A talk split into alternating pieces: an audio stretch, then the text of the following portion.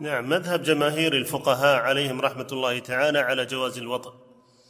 بخلاف الحنابلة في المشهور أنه آه، يكره أنه يكره لكن آه، الصواب أنه لا يكره ولا يوجد يوجد دليل على الكراهية والأثر الذي ذكره رحمه الله تعالى فيه مقال الأثر الذي ذكره عن عثمان بن أبي العاص فيه مقال والكراهة حكم شرعي مستفاد من القرآن والسنة وأقوال الصحابة رضي الله عنهم.